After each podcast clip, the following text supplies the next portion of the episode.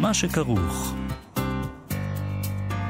עם יובל אביבי ומה יעשה לה. שלום, צהריים טובים, שבוע טוב, מאזינים ומאזינות. אנחנו מאיה סלע ויובל אביבי במה שכרוך, מגזין הספרות היומי של כאן תרבות ב-104.9 ו-105.3 FM. איתנו באולפן היום חן עוז ואילנה גולדנברג שעושות איתנו את התוכנית, ושלום לך, יובל. שלום, מאיה. אה, בשבוע שעבר דיברנו על גל ספרי העדויות על מיניות. אה, היו כאלה.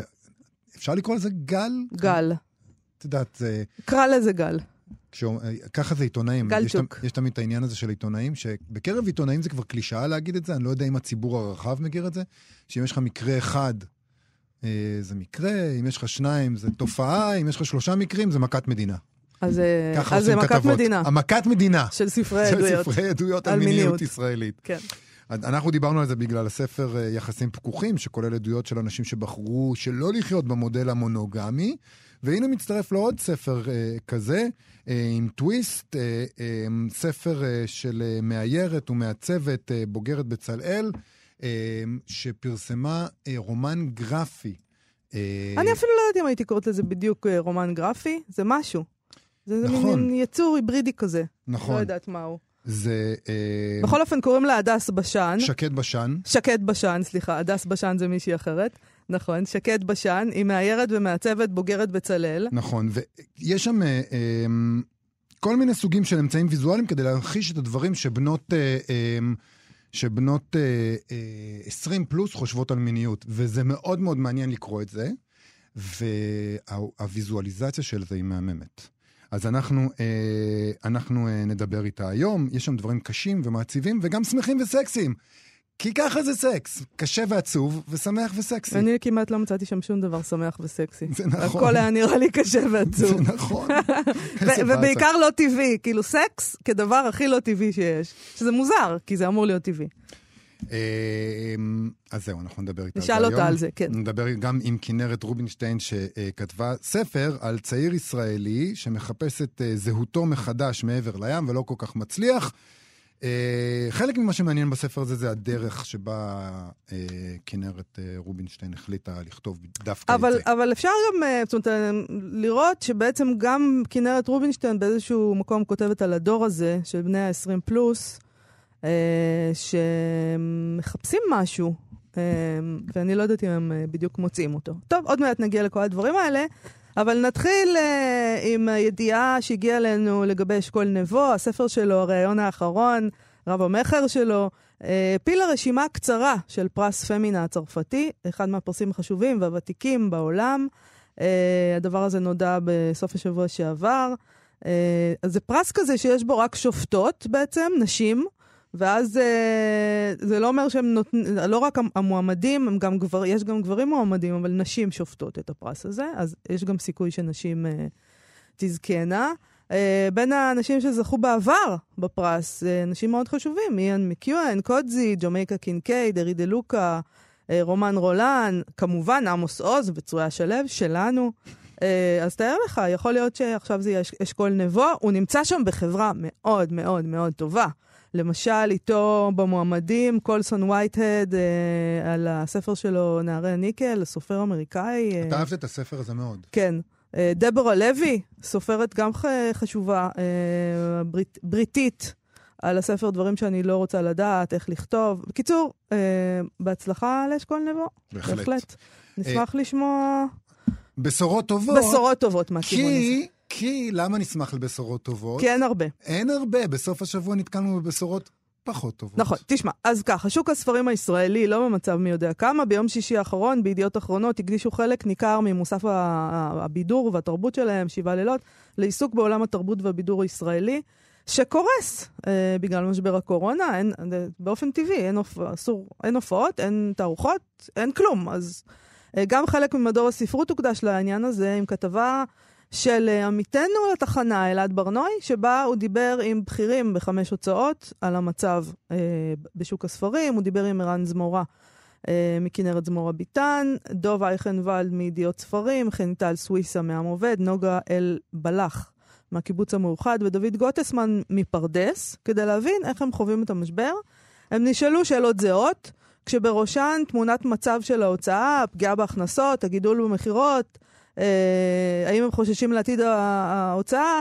אה, התשובות היו כמעט זהות, אפשר לומר, חוץ מהתשובות של דוד גוטסמן מפרדס. זה נכון. שכבר זה אנחנו נכון. כבר אה, ראינו כבר את השוני, כי דיברנו כמה פעמים על הנושא הזה פה. החוויה של ההוצאות הקטנות, העצמאיות, מכל הסיפור הזה של הקורונה וזה, היא אחרת לגמרי מהחוויה של ההוצאות הגדולות. אז בואו נשמע דוגמאות. וגם הבינוניות, אה, אני קצת הופתעתי מהפתיחות, אני תוהה אם זה אמיתי, כי אה, אה, שוק הספרים הוא כזה סגור ואף אחד לא מודה בשום דבר אף פעם, כך שאני אני לא, תוהה... אפשר לקחת בערבון מוגבל את המספרים, בהחלט. בוא נגיד. זה, אבל... מה שאני, זה מה שרציתי להגיד. בואו, זה מה שהם אומרים. לך תדע אם זה אבל נכון. זה מגמה, תראה, אני, עם הניסיון שלי, בדרך כלל האנשים, האנשים האלה שמנהלים את הוצאות הספרים הגדולות, הבינוניות, הם אה, אף פעם לא יגידו שקשה, והם אף פעם לא יגידו שהם מפסידים, וכל הדברים האלה. וזו פעם ראשונה שהם אומרים שהם מפסידים. כן. אז uh, כנראה שהמצב ממש חמור. אז הנה ערן זמורה למשל, הבעלים של אה, ההוצאה הגדולה בישראל, כנרת זמורה ביטן, דיווח שההוצאה אה, בחופשה חלקית, יותר מ-50% מהעובדים שלהם בחל"ת. חופשה זה לא הגדרה נכונה, אגב, זה חל"ת, זה חופשה ללא תשלום. חופשה זה נשמע כזה שמתחת לעץ עץ הקוקוס. שותים קוקוס, אה, אין קוקוס. עם מטריה כזה. אין לא. קוקוס, אולי, את יודעת, אם אתה בחוף, לא יודע מה, באשקלון אולי זה יש אנשים קוקוסים. שהם אה, בעצם אה, לא, לא מרוויחים משכורת במשך כמה חודשים. כן. זה תמיד עצוב. הם פיטרו עשרה עובדים בסגר הראשון, לפי דעתי הם ההוצאה היחידה שהוא הודה שפיטרו אנשים בסגר הראשון. הם לא מדפיסים בכלל ספרים חדשים, הם גם לא מקבלים כתבי יד חדשים. זה דבר מדהים, רק מנגנון השיווק והלוגיסטיקה עובד וכמה אורחים שם עובדים. הוא מעריך את הפגיעה שלהם בהכנסות בכ-40 אחוז, למרות עלייה של 100 עד 150 אחוז שהוא מדווח עליהם במכירות באתר, כי זה פשוט לא מכסה. אה, להערכתו הם יוציאו השנה רק כ-100-120 ספרים, לעומת 250 עד 300 בשנה רגילה, שזה מדהים. זה שליש. זה, זה ממש... כן, אבל זה לא מפתיע. למה שהוא, לאן הוא יוציא ספרים? אין חנויות. למה שהוא יוציא ספרים? אני לא אומר שזה לא מפתיע, אני רק אומר שזה זה הגיוני, זה. מוזר שהוא יוציא 100 ספרים גם. זה נכון. הוא אומר ככה, אני דור שלישי למולות, סבא שלי היה מו"ל, אבא שלי היה מו"ל, התחלתי לעבוד בהוצאה בגיל 27, 40 שנה אני בעסק, עברתי הכל, תקופה כזאת לא הייתה. טוב, זה גם נכון. אני- לאף אחד מאיתנו לא הייתה תקופה כזאת. נכון. Uh, מצד שני, הוא לא נשמע נורא מודאג, כי הוא אומר, אנחנו הוצאה יציבה וחזקה, עם קטלוג ענק של 12 אלף עותקים, אז אני לא רואה סכנה לקיום... כותרים, כותרים. כן. אני לא רואה סכנה לקיומנו, אבל אם הסיפור הזה ימשיך עוד חצי שנה-שנה, בהחלט נצטרך לעשות תיקונים, להוריד את כמות ההדפסות, להשתלל למכור מלאי שיושב במחסנים. אם זה יימשך שנתיים ויותר, נצטרך לעשות צמצום משמעותי. גם דוב אייכנוולד מידיעות uh, ספרים מדווח שבהוצאה פועל רק מנגנון השיווק והלוגיסטיקה, זה בעצם מה שכמעט כולם אומרים. אין קבלה של כתבי יד או הדפסה של ספרים חדשים. הוא מעריך את הפגיעה בכ-80 אחוזים, הוא מדווח שיוציאו השנה כ-100 ספרים לעומת 300 בשנה רגילה. הם לא פיטרו עובדים, אבל כמעט 50 אחוזים מהעובדים בהוצאה נמצאים בחל"ת, שזה... לא קוראים לזה פיטורים, אבל אתה יודע. הוא אומר, עברתי מלחמות, עברתי אינתיפאדות, עברתי מבצעים, בגילי המופלג עברתי הכל, אבל אין שום תקופה בעבר שאני יכול להשוות למצב הזה, זה הכי גרוע שהיה. אבל גם הוא אומר, ענף הספרים מעולם לא עושה אקזיטים של מיליונים, גם בימים הכי טובים שלו, אבל זה ענף יחסית יציב. אנחנו נחזור לעבוד מן הסתם, אבל כמויות הספרים ירדו, והכל יצטרך להתאים את עצמו למציאות של שנה, שנה וחצי קורונה. אה, גם הוא לא רואה סכנה לקיומה של ההוצאה. כן. גם בעם עובד לא מקבלים כתבי יד או מדפיסים ספרים. זה מדהים. תארי לעצמך, אנשים שיושבים וכותבים עכשיו ספרים, אין להם לאן לשלוח את זה. לא מקבלים. אבל אם אנשים בחל"ת, אז ברור שלא מקבלים כתבי יד, כי מי מקבל כתבי יד? אנשים שמשלמים להם על זה כדי לקרוא. לא- אז אתה יודע. אני לא אומר... זה לא נראה לי כזה דרמטי, יובל. כאילו, אני מבינה שאתה רוצה לייצר פה דרמה, אבל אנשים שיושבים עכשיו, אין לא. להם לאן לשלוח. הם כן. ישלחו בשנה הבאה. זה לא כזה... תמשיכו. לא חושב שזה בסדר. ככה פשוט. סליחה. זה מבאס. מבאס, בסדר. אני לא אומר שזה עכשיו... זה... אתה יודע, אנשים גם מתים מקורונה, זה יותר מבאס. נכון, זה בדיוק מה שאני להגיד. נכון שזה לא למות מקורונה או מדברים אחרים, אבל כאילו זה, זה עוצר לגמרי את כל אני הדבר הזה. מציעה להיכנס לפרופורציות, ולא לייצר פה אני דרמה מציע מיותרת. להיכנס להיסטריה. בסדר, אתה תיכנס את להיסטריה. תיכנסי לפרופורציות, אני אכנס להיסטריה, בסדר? אוקיי. זה דרך כלל החלוקה בינינו, לא? נכון. חניתה סוויסה מעם עובד אומרת, דווקא ההוצאות הגדולות נפגעות כרגע יותר מאיתנו, כי הם בינוניים. אה, מספר העובדים שלנו ממילא מצומצם, מספר הספרים שאנחנו מוציאים בשנה לא גדול, אנו מורגלים להתנהל בצמצום. היא מעריכה את הפגיעה בהכנסות בכ-80 אחוזים. אה, מספרת שהמכירות באתר מהוות אחוזים ספורים מההכנסות, אה, מהמכירות באופן רגיל, כך שגם עלייה חדה במכירות באתר לא מפצה על הפגיעה עקב אי מכירה בחנויות. לפי מה שהיא אומרת, אה, מבחינת הוצאת ספרים השנה, הסגר השני הוא שהיווה את ההבדל מבחינתם. לולא הסגר השני, היא אומרת, הם היו ברף התחתון של מה שהם עושים כל שנה. היא אומרת, 60 עד 80 ספרים הם מוצאים כל שנה, ואם לא היה את הסגר השני, אז הם היו נמצאים איפשהו ב-60 ספרים. ומה שעוד מעניין שהיא אומרת, היא מספרת שהם דחו כמה מהספרים לאחרי הסגר, לספטמבר, ואז הם הוציאו אותם, כמו... אה, גבריאל גרסיה מרקס החדש ואמיר זיו עם אה, חמצן, והם לא מכרו. כמו שהם ציפו. היא לא חוששת לעתיד ההוצאה, אה, בין השאר, כי היא סומכת על התמיכה של ההסתדרות. כן, עם עובד שייכת להסתדרות, אז uh, יש מי שיציל אותם. יש אבא ואימא. Uh, למרות שאני לא חושבת שההסתדרות uh, זה, זה גוף כזה ששש uh, לשפוך כסף על עם עובד. אני לא יודע, אבל הם, הם, הם יכולים, הצילו אותה הם, בעבר, הם, את ההוצאה. הם יצילו אותה אם יהיה צורך. בקיבוץ המאוחד, uh, כמעט כל ההוצאה, 30 עובדים מתוך 35 עדיין בחל"ת, חופשה ללא תשלום וללא חופשה. לא מדפיסים ספרים, לא מקבלים כתבי יד. יש לי פשוט תחושה לגבי החל"ת, שזה הגדרה, ההגדרה הזאת מעצבנת אותי, כי יש בתוכה את חופשה. ואין בזה שום חופשה. תראי, מי okay. אוקיי. שנמצא היום בחל"ת אבל מקבל דמי אבטלה. עד, ה-20, עד יוני 2021. נחמד מאוד, אני מאוד שמחה על כך, כמובן. אבל, אבל לא כל כך גדולים. הם מקבלים משהו כמו 60% מהמשכורת. כמו כל אדם שמקבל דמי אבטלה. לא, אגב, הוא תמיד ש... מקבל uh, רק נכון, אחוז מסוים. נכון, אבל הורידו את זה עוד פחות. אני בדרך כלל ל-70 ו-70 והורידו את זה ל-60. בחודשי הקורונה, נוגה אלבלח מעריכה שהייתה פגיעה של כ-85% במכירות. היא מעריכה שלא רק מספר הספרים שהם הוציאו ב-2020 ירד, אלא גם המספר ב-2021. היא אומרת שלקיבוץ המאוחד אין גיבוי של הורים. אה, שאם חסר הם מזרימים כסף, אתה יודע, כמו למשל ההסתדרות לעם עובד. הבעלים שלנו הם התנועה הקיבוצית. אה, בוא נגיד שתנועה קיבוצית היום זה לא מישהו לסמוך עליהם. אה, מבחינה כלכלית אני מתכוונת. יש אבא ואימא, אבל הם במינוס. הם עניים, כן. אבל היא כותבת, היא אומרת שם, אני מאמינה שלאט לאט הדברים יחזרו לעצמם, ובמובן מסוים, אם תהיה השוק יהיה אולי קצת יותר שפוי, הרי יוצאים כאן יותר מדי ספרים. זאת אומרת, זה נכון, זה גם משהו שאנחנו דיברנו עליו. נכון. כל הזמן אנחנו מתלוננים שיוצאים יותר מדי ספרים, אז הנה, עכשיו יוצאים פחות. היא מספרת... את אומרת שהקורונה היא ברכה מהבחינה הזאת. אין שום ברכה בקורונה, okay. אוקיי. אה, אני מצטערת. לא, יש ברכה בקורונה, זה לא נכון. הטבע, למשל, מודה לה. כי הטבע פשוט... אה, משגשג. אין, אין, אה, אין, אין מטוסים בשמיים, אין את כל הדבר צלולים. הזה, הכל נהדר, באמת. היא מספרת שאפילו חיי השקר של המבוגרים, של אלנה פרנטה, ספר שהיא חושבת ש...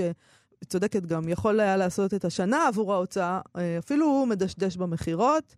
אבל היא אומרת שהיא לא חוששת לעתיד ההוצאה, בזכות ניהול צנוע ולא מנקר עיניים. עד כאן הרוב דומה, והנה מגיע המו"ל הקטן, דוד גוטסמן מפרדס, שאומר, ההוצאה עובדת כרגיל, לא נפגע כלל מהמצב. ממילא, הם אומרים, אנחנו לא מתבססים על מכירה בחנויות. אה, כך שהגידול אצלם במכירות אונליין ובספרים דיגיטליים כן פיצה על אובדן ההכנסה בחנויות. הם יוציאו השנה 70 ספרים בערך, כרגיל, ומדווחים שם שכ-30 עד 40 אחוז מהספרים האלה במימון עצמי של המחברים, מה שכמובן עוזר להוצאה, כי חלק גדול מהנטל הכספי אה, מושת על המחברים. אה, יש להם בית דפוס עצמאי, בתי הדפוס אה, לא עובדים הרי, אז שלהם יש בית דפוס עצמאי שההוצאה מחזיקה, אז הוא לא חושב שסכנה קיומית. נהדר. הוא קורא להם משק אוטרקי, מה נכון. שנכון. גם, דרך אגב, גם אם אתה, אם יש אפוקליפסה ואתה מגדל עגבניות על הגג, אז יהיה לך יותר קל. אני פלפלים. חריפים אמנם, לא יודע איך אני אשרוד את מתקפת הזומבים, אבל נאכל פלפלים חריפים. פלפלים חריפים עם דבש, והכל יהיה בסדר. תשמע, אה, מעניין מאוד שהרוב המכריע של הדוברים, אה, כשהם נשאלים על זה, הם בכלל לא מצפים לעזרה מהמדינה או לתמיכה מצידה. ניטל סוויסה מעם עובד אומרת על זה, יש כל כך הרבה דברים בוערים יותר שהמדינה צריכה לעשות ולא עושה, שאני בכלל לא מעיזה לבקש משהו בזמן הזה. זה לא חיי אדם, זה לא מאבק על הדמוקרטיה. גם כשלא הייתה קורונה, המדינה לא עשתה כלום בשבילנו, אז לצפות שעכשיו יעשו? זה מה שכולם אומרים, אומרים, אנחנו תמיד לבד. נכון. אנחנו תמיד לבד. שוק ואגב, הספרים, אני, אני שוק פשוט... הספרים תמיד בבעיה ואף אחד לא עוזר. זה לו. נכון, אבל אני רק רוצה להגיד שבמדינות אחרות זה לא ככה. נכון. כלומר, אה, זה כאילו, הדבר הזה שלא מצפים, כי זה פשוט ככה. זאת אומרת, זה ככה במובן הזה שאתם רציתם אה, להיות, ניאו-קפיטליזם, יובל, אתם, אתם רציתם להיות קפיטליסטים, מאוד רציתי, אז בבקשה, כן. אף אחד לא עוזר לכם. אבל במדינות אחרות, אה, יש אה, גם עכשיו, בתקופת הקורונה, תקציבי אה, תרבות ענקיים כדי להציל את עולם התרבות. בכלל זה את עולם הספרות, אנחנו בזמנו דיווחנו על איטליה, שזה ממש מיליוני יורו הם, הם שופכים על הדבר הזה.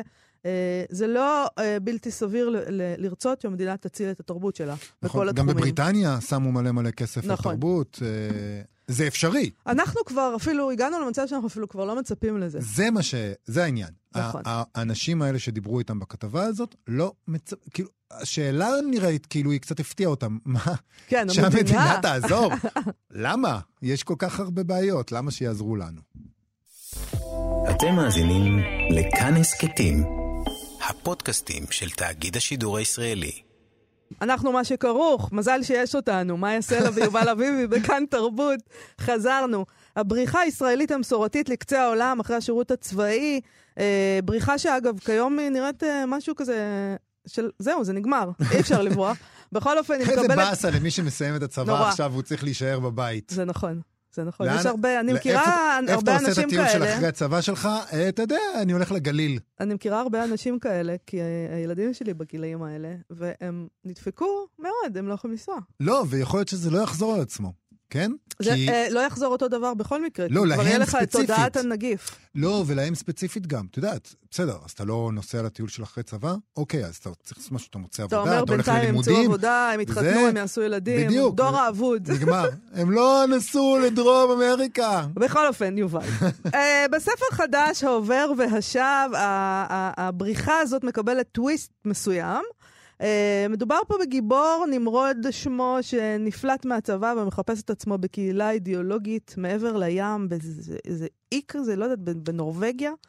אה, אבל הם גם... כולם טבעונים שם וזה, מגדלים את האוכל בעצמם, כן, יש שם. כל מיני דברים באי. אה, מאוד מעניינים שקורים, אבל לא בדיוק מצליח עם העניין הזה, הוא לא בדיוק מוצא. בספר הזה, גם הדרך שבה הרעיון הזה הגיע אל כנרת רובינשטיין, הוא חלק מהסיפור. אה, אנחנו תכף נשאל אותה על זה. כנרת רובינשטיין היא סופרת, מרצה, מנחת סדנאות כתיבה. העובר והשב הוא ספר הפרוזה השלישי שלה. קדמו לו הרומן תיבת נוח, שיצא ב-2013, וקובץ הסיפורים מחבלי הלידה של הירח ב-2016. שלום, כנרת רובינשטיין. שלום, צהריים טובים. צהריים טובים לך. להתארח. אני חייבת להגיד שתי מילים על מה שדיברתם קודם. בבקשה. שיהיה ברור שלא קראתי לספר העובר והשב מתוך אה, ציפייה שזה יגדיל את חשבון הבנק שלי. בעקבות המצב הלא מזהיר שתיארתם של הספרות העברית. כן, כן, לא, כן. אבל זה... אז רק שיהיה ברור ככה, אם מישהו חשב משהו, אז... אה, זה הלוואי לא- שזה זה לא היה. יכול לעבוד ככה, אני. רוצה להגיד לך שאפילו, אני חושב שאפילו הקוראים הלא מיודעים בנבחי התעשייה כבר יודעים שמספרות לא נעשים, לא זה. העובר ושב לא נעשה מפוצץ. זה גם- לא עובד זה לא- ככה. זה לא העו"ש שעמד מאחורי זה. וגם העובר והשב בספר הזה זה לא, זה לא בדיוק הכסף. העובר נכון. והשב זה האיש. זה הגיבור. אז מה, איך נולד הספר הזה אצלך? הספר אה, נולד בעקבות אובדן אה, בעצם, שאיבדתי את אחי הצעיר אה, אריאל אה, לפני שמונה שנים, בנסיבות אה, טרגיות. אה, והוא נולד בעצם אה, בתור אה, משאלה של גוף, כי הייתי מסתובבת בעולם ואנשים היו, אני הייתי פוגשת אנשים ודמותו של אחי הייתה ככה נקראת בדרכי בכל אדם ש, שעבר מולי, בחיוך שלו, בדמות שלו. אני חושבת שזה היה בעצם סירוב של הגוף וסירוב של החושים להאמין שהוא לא פה. אה, וזה התגלגל לסוג של אה, משאלת נפש, אה, בעצם לדמיין שהוא כן נמצא באיזה מקום. אני לא רואה אותו אמנם, אבל הוא מתקיים באיזשהו מקום, באיזושהי מציאות. ניסיתי לפלס לו מקום בעולם, למרות שהוא בעצמו לא מצא את מקומו בעולם, וככה זה נולד בתוך, בתור משאלה כמוסה. לנסות ולחשוב שהוא עדיין מתקיים באיזושהי מציאות, רק שאני אה, לא רואה אותו. לא. ונמרוד, אה, נמרוד הגיבור שלך, הוא, הוא, הוא דומה לאחיך במובן הזה של החיפוש ושל אה, של כן, הוא האופן שבו הוא לאחי. אבוד בעולם? הוא מאוד דומה לאחי, אבל יחד עם זאת, כמו בכל כתיבה, יש אה, אה, מין מיקסר כזה של הרבה מאוד דברים, ואת מכניסה לשם עוד דברים. אבל כן, אני, יכול, אני יכולה להגיד שזה מבוסס על דמותו של אחי, ככה זה התחיל. כאילו באיזשהו אופן אמרת לעצמך, למה אח שלי לא ברח פשוט לאיזה אי? ו... נכון. נכון? ככה זה התחיל, אבל כן. משם זה גם המשיך ל- לעוד מקומות ולעוד רעיונות. מה קורה אה, בעצם לגיבור שלך? מה הוא עושה? אז הגיבור שלי, בדיוק כמו שאמרתם, הוא באמת אה, צעיר ישראלי אה, נורמטיבי, מלך הארץ אפילו, הוא אה, משרת ביחידה מובחרת, אבל אז קורה לו משהו, סוג של אה, תקרית אה, אמון אה, ביחידה המובחרת, והוא נפלט מהשירות הצבאי. משם קורים לו עוד כל מיני דברים רעים, החברה שלו עוזבת אותו, מפוטר מהעבודה שלו, ואז הוא שומע על אי שנמצא קרוב לנורבגיה, כפי שציינת, באוקיינוס האטלנטי, מקום שאליו מתרכזים, אפשר להגיד, האנשים המיואשים, אנשים שהחליטו בעצם לחיות את חייהם מחדש. אה, בזהות חדשה. לנסות לתת לעצמם עוד הזדמנות לחיים, אה, להתחיל הכל מההתחלה. אה, ואז הוא מגיע לאי הזה, והספר בעצם מתאר את מה שהוא עובר שם. לספר קצת על הקהילה המיוחדת שיש שם? כן, וגם, את המצאת אותה לגמרי? המצאתי אותה לגמרי. אוקיי. כי זה נשמע, כאילו, כאילו בטח יש קריאות כאלה. זה יכול להיות, כאילו. אם אין, אז אולי עכשיו יהיו. אתם יודעים, אולי יש, כן? צריכים ככה לצאת, כשיהיה אפשר לטוס. אה, אנחנו פשוט לא יודעים, כי לא היינו בנורבגיה מלא זמן. רגע, אז למה קודם כל נורא עניין אותי העניין הזה שמיקמת את זה דווקא בנורבגיה? לא, רציתי פשוט, אה, זה לא אמור להיות בנורבגיה, זה אמור להיות אי אה, בודד, זה באוקיינוס האטלנטי, ורחוק כן, ככל האפשר מהמציאות נכון. הישראלית. אוקיי, כן, זה אוקיי. הרעיון. אה, אז הרעיון של החברה שם זה באמת אה, חברה אה, טבעונית, שבעצם חרתה על דגלה ערכים אידיאולוגיים מאוד מחמירים בנושא של טבעונות ומזון. היא בעצם מצאה איזשהו פרי שקוראים לו עין השועל, שבעצם מגלם את כל הצרכים של האנושות. אנשים אוכלים את זה ולא צריכים יותר שום דבר. ועקרונות נוספים זה ש... כמו שיש, אתם מכירים את הנושא של תרנגולות אה, חופשיות במרעה, שהן מטילות ביצי חופש? Mm-hmm. שמעתם על זה. כן. אז בדיוק, בדיוק כך אה, הם אה, חושבים שרק אנשים שהם טהורים בנפשם, בגופם וברוחם, בעצם יכולים לגדל את הפרי הזה, שככה הם לא מזהמים את, ה, את המזון שבו הם אוכלים, שזה בעצם עוד צד קיצוני אה, בנושא של אה, אה, גידול אורגני וגידול עצמאי של מזון אבל אורגני. אני רוצה גם להגיד, אני מקווה שאני לא עושה פה ספוילר, אבל שהעניין הזה עם עין השועל, כן. הוא מספק לך את כל מה שאתה צריך, כולל סקס, זאת אומרת. כולל הנאה מינית, כלומר, אתה לא צריך יותר את הזולת בשביל, בשביל נכון, מין. נכון, וזה בדיוק להמחיש קצת את הנושא הקיצוני הזה, של לקחת את זה באמת צעד אחד אה, קדימה. תראי, זה, זה תואם לכל מיני תיאוריות, אה, את יודעת, יש כל מיני אה, תיאוריות של מחשבה מדינית, שמדברים על כך שהדרך של אנשים היום ללכת לכיוון הזה של, של פוליטיקת זהויות וטבעונות וכל הדברים האלה, בעצם בסופו של דבר זה מתכתב עם אינדיבידואליזם שמרני. ובעצם יש פה את הדבר הזה, שאתה, בסופו של דבר אתה, אתה מאוד מאוד אינדיבידואליסט בדברים האלה. אוקיי, okay, אז אני רוצה להגיד שאני, מה שרציתי לעשות זה לחדד את המחשבה המובנת מאליו שלנו על החברה שבה אנו חיים בעצם. אה, פשוט אה, אה, להעיף איזה מבט זר קצת ולחשוב על זה, וגם לנסות לחשוב צעד אחד קדימה על העולם שמעבר לפינה. כי אני חושבת שככל שעוברים הימים, ואנחנו רואים את זה גם עכשיו עם משבר הקורונה, הנושא של אה, משבר האקלים ומשבר המזון ילך ויעסיק אותנו בצורה יותר ויותר אה, אה, מורגשת.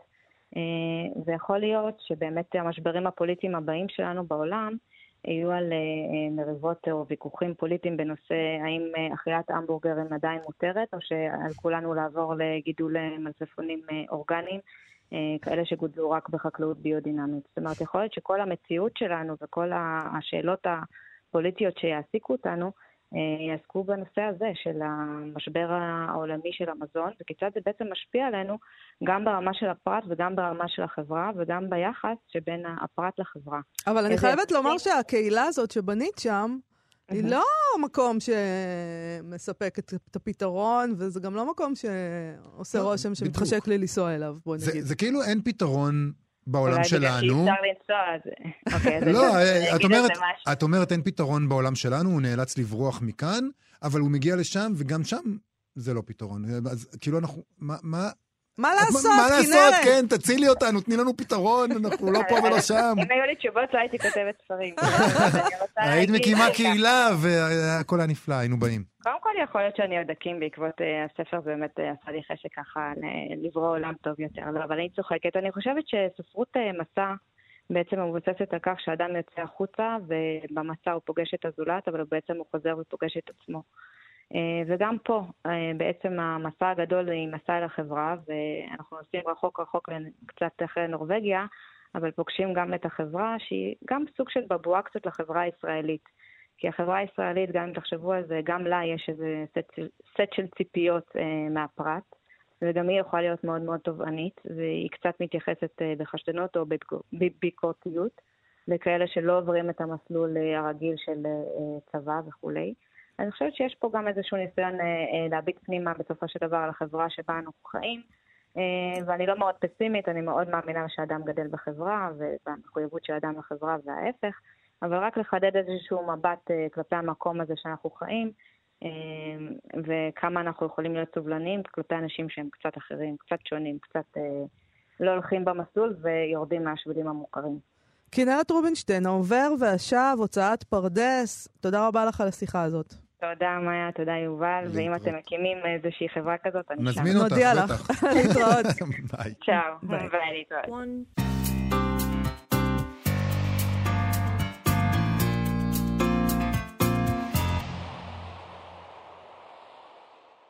אנחנו מה שכרוך, מאיה סלע, יובל אביבי, כאן תרבות, אנחנו ממשיכים שוב ושוב לעסוק במיניות ישראלית.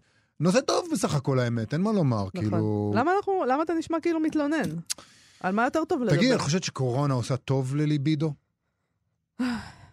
שאלה טובה. אני חושב שלא. אני חשבתי בהתחלה שכן, וככל שהזמן נמשך, אני חושבת שלא. אני חושב כלומר... שכאילו אנשים, אנשים בדיכאון, כן. וזה כבר לא קשור לזה, האם יש להם חל"ת או אין להם חל"ת, יש פרנסה, אין פרנסה. אתה הולך ברחוב, ואין ליבידו ברחוב, אין את הדבר הזה, לא יודע, אולי אני טועה, לא יודע. עוד מעט נשאל, אולי אצל בני כן, 20 יש. אולי, אולי זה קשור נשאל, ל... לא כן. קשור לזה, קשור למה לגיל. למה אנחנו חוזרים לכל הדבר הזה? אוקיי, כן. עיבוד גרפי מהמם. נכון. אה, לעדויות של נשים בנות 20 פלוס על המיניות בחיים שלהם, שגם כן, לכאורה זה אמור להיות כמו הקורונה. הקורונה הייתה אמורה להיות תקופה שאתה כאילו, שאתה כאילו בבית, אז מה תעשה? סקס. לא בדיוק. אז לכאורה גיל 20 פלוס אמור להיות גיל נהדר שבו חוקרים את הגוף, אתה כבר מכיר את עצמך, מכירה את עצמך, חוקרים, משתוללים, פרטנרים, עושים שמח. זה בפנטזיה של בני 40, זה ככה. כן, זה לא ככה, זה לא מה שמשתקף uh, בעדויות מהספר הזה. Uh, מי שעומד מאחורי הספר הזה, אני רוצה את זה רומנטי, שקד בשן, היא מהערת ומהצוות שהספר הזה התחיל בתור פרויקט הגמר לתואר ראשון שלה במחלקה לתקשורת חזותית בבצלאל, והיא החליטה אחר כך להוציא אותו בהוצאה עצמית. יופי של ספר. מימון המונים. ספר יפה. זה יפה. מקסים. נכון. יש פה, הוא גם, צריך להגיד, קשה להעביר את זה במילים, אבל יש בו הרבה דברים, יש בו הרבה אלמנטים ויזואליים. יש, יש בו טקסטים ויש בו ציורים ויש בו... כמו מילון, נכון. ויש בו אה, עמודי חיפוש מגוגל, וטק... הרבה דברים. תכף נבין מה קורה שם. שלום לשקד בשן. שלום, שלום, מה שלומכם? בסדר גמור, שקד. אמ, נהנינו מהספר שלך, ואולי תגידי לנו למה החלטת להתמקד, למה החלטת לבחור בדבר הזה, במיניות, לפרויקט הגמר שלך? למה מיניות דווקא? אז uh, באמת, uh, במהלך הלימודים עסקתי הרבה בתחומים כאלה של, של נשיות, של גוף, של התבגרות, מי אני בתור אישה רווקה. Uh, וכשהגעתי לנקודה של פרויקט גמר, אה, זה לא היה משהו שרציתי לעשות, העיסוק הזה במיניות, אבל כל דבר שניסיתי לעשות הרגיש כמו הבריחה מהדבר האמיתי. Mm-hmm. מצאתי את עצמי, אנשים אצלי ואמרו לי, את סתם מפחדת, את סתם מפחדת לדבר על זה. ואז עצרתי ואמרתי, למה אני כל כך מפחדת? אה, ומתוך הפחד הזה נוצר הפרויקט גמר.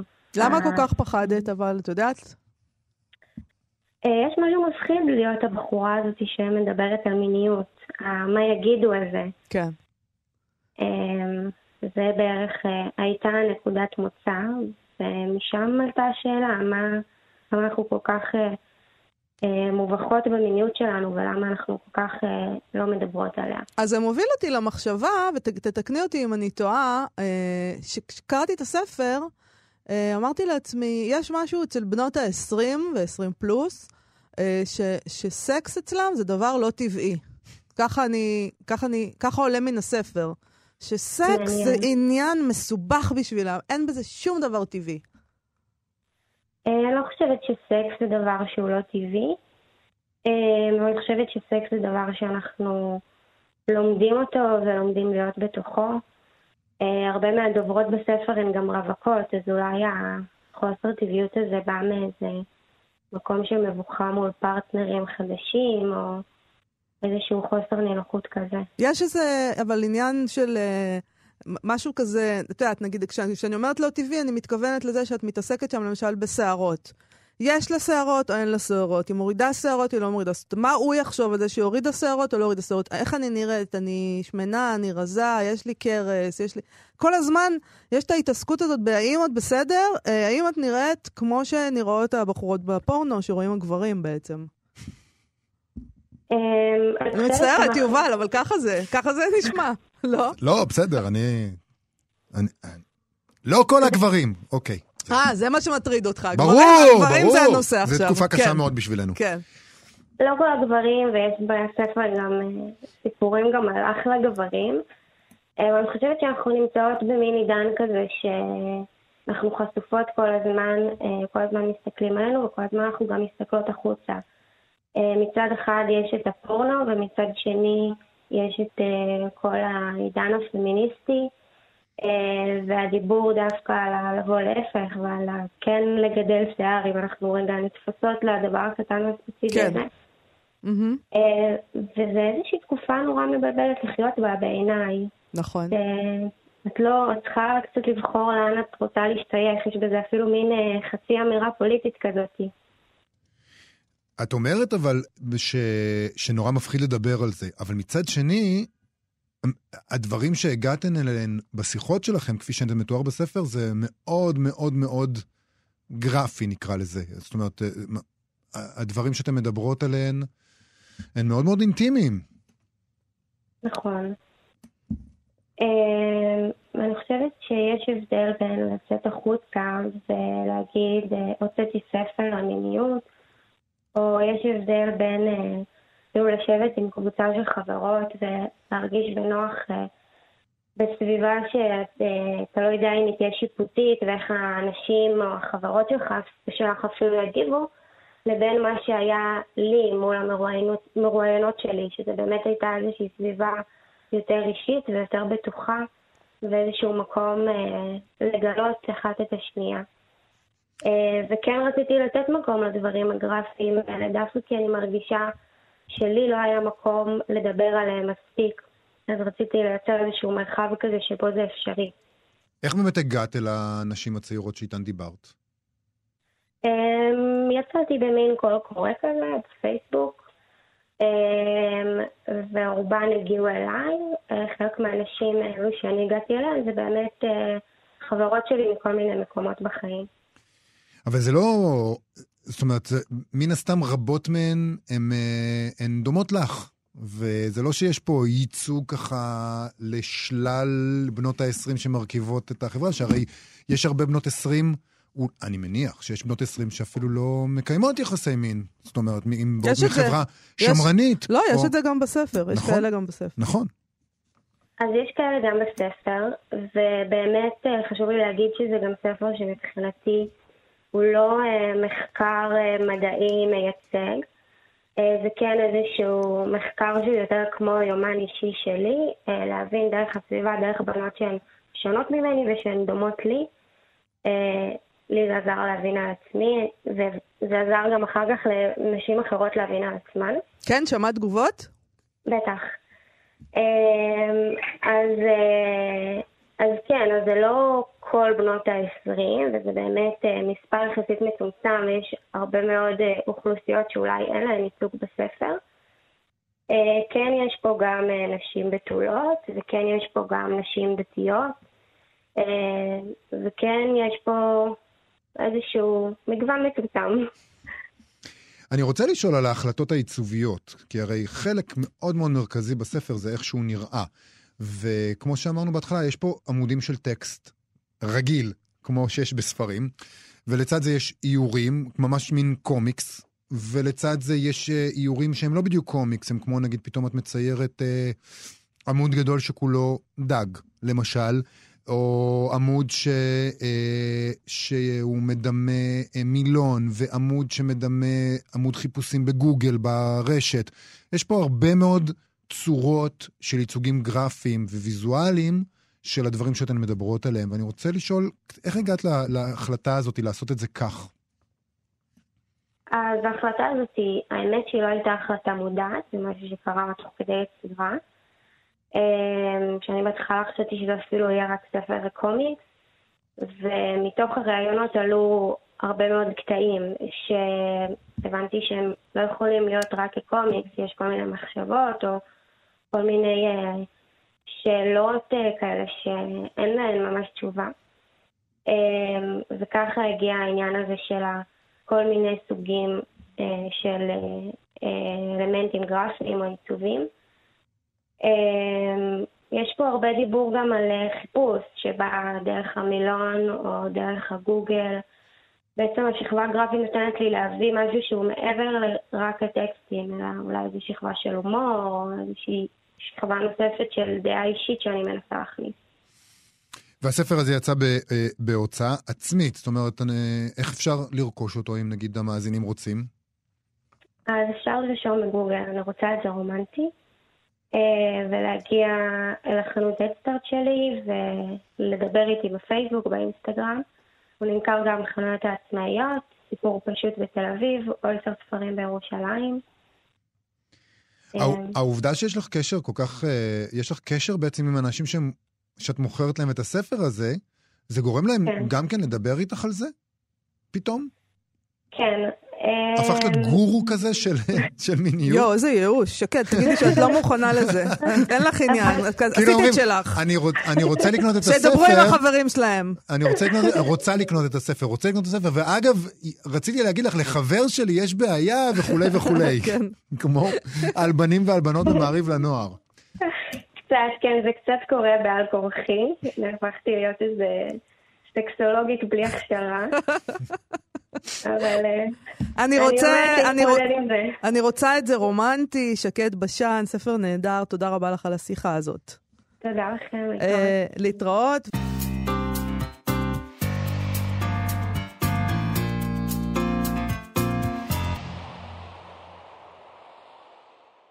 רוצה שיהיה לך טוב כל עוד זה לא טוב כמוני, אני חושב שאני התחברתי למשפט הזה. אז יפה, אז אתה בן 20.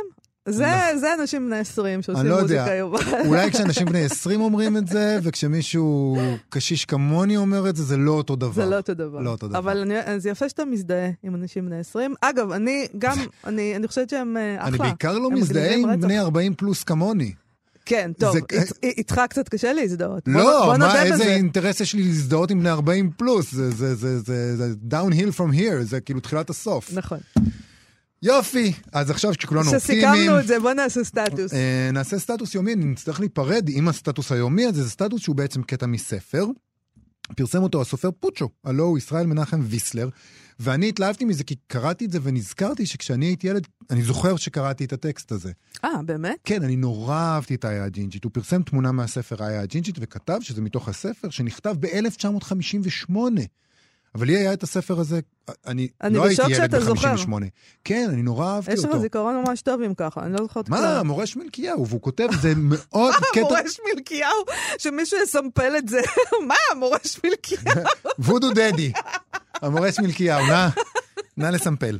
כן. וואי, זה יכול להיות ענק, נכון, אני מקווה שהוא קדימה. מאזין. Uh, בכל מקרה, הקטע הזה באמת עוסק בדמותו האגדית של המורש מלכיהו ותלמידיו, וכפי שפוצ'ו אמר, רלוונטי להיום, וזה הולך ככה, האכזבה הגדולה זה נקרא. מגפת השפעת האסייתית הינה אחת ההמצאות היפות ביותר של המאה האחרונה. בלב חרד ודואג, עקבנו אחר התפתחותה והתפשטותה בעולם, חרדנו פן ארצנו תראה קטנה מדי בשבילה והשפעת תדלג עליה, אך לאושרנו היא לא הכזיבה.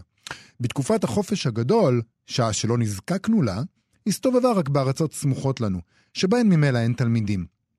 אך עם תחילת הלימודים, הגיע סוף סוף גם לארצנו. אכן, זוהי המחלה שלנו, ידידת התלמידים. בציפייה אילמת חיכינו לה בבית ספרנו. הראשון שנדבק בה היה דווקא אהרון השמש. נפל למשכב שבוע אחרי חופש סוכות. סתם בזבוז של חיידקים. הדאגה העיקרית שרבצה עלינו הייתה איך להעביר את אותם חיידקים אל שמיליק, המחנך שלנו. ערכנו ביקור חולים אצל אהרון השמש, שהוא גר בחצרת גימנסיה. אחר כך מיד רצנו להשתעל אל יד שמיליק. הדבר עזר במקצת. אמירם, שלמה ויגאל נדבקו ונשארו להשתעל בבית. הצענו לשמיליק להצטרף אלינו בעת הביקור אצלם. הוא הזדעזע והזהירנו, לבל נעז אפילו לשרוק להם מבחוץ. העניינים היו יגעים. הרי בצורה זהירה שכזו אין סיכויים שנצליח להדביק את שמיליק אפילו בנזלת. עברו ימי ציפייה נוספים. השפעת האסתית העניקה את השפעתה הברוכה כמעט לכל הכיתה. כל תלמיד בתורו זכה לביקורה. ביקור חטוף או יסודי. ורק שמיליק, דווקא היצור הכושל והמטל הזה, איננו מתנוען, מתאונן אפילו על מחושי גרון. התייאשנו. מודים בתבוסתנו, ומלאים רגשות הערצה לחסינותו. העזנו לגשת אליו ולשאלו, איך הצליח להינצל מהשפעת המשתוללת עתה בכל רחבי המדינה? אני ניצלתי? השתומם שמיליק. מה אתם מדברים? ההפך הוא הנכון. אני הייתי הראשון בארץ שנפגע, כל חופש סוכות עבר עליי במיטה. מי, אתם חושבים, הדביק את אהרון השמש? יובל, אני רוצה להגיד לך שאני ממש בהלם. שאתה... שזה מה שקראתי כשהייתי נער? יש, לא, שיש בך את אותה התלהבות כנראה שהייתה בך אז לנוכח הטקסט הזה של ישראל הראשונה. באמת. אה, אין לתאר. זה טקסט של ישראל הראשונה? באמת, באמת, אין לתאר. כאילו, זה כאילו אתה מהפלמ"ח. אוקיי, זה זמננו לסיים איך להיום. אפשר שלא לאהוב את זה? אני מצפה למכתבי. מעריצים נוזפים וכועסים, שהרי זה... אה, זה מלח הארץ, זה הדבר שהוא מאחד. את כל לא. ישראל באשר הם. לא. זה לא מאחד את כל ישראל, אבל בוא נשמע, בוא נקרא את המכתבים. תודה רבה לחן עוז, ילנה גולדנברג וחיים טוויטו שעשו איתנו את התוכנית היום. אתם מוזמנים ומוזמנות לעמוד הפייסבוק של מה שכרוך עם יובל אביבי ומאיה סלע, וגם לעמוד הפייסבוק של כאן תרבות. אחרינו המעבדה עם גיל מרקוביץ', אנחנו נהיה פה שוב מחר, להתראות. להתראות. אתם מאזינים לכאן הסכתים, הפודקאסטים של תאגיד השידור הישראלי.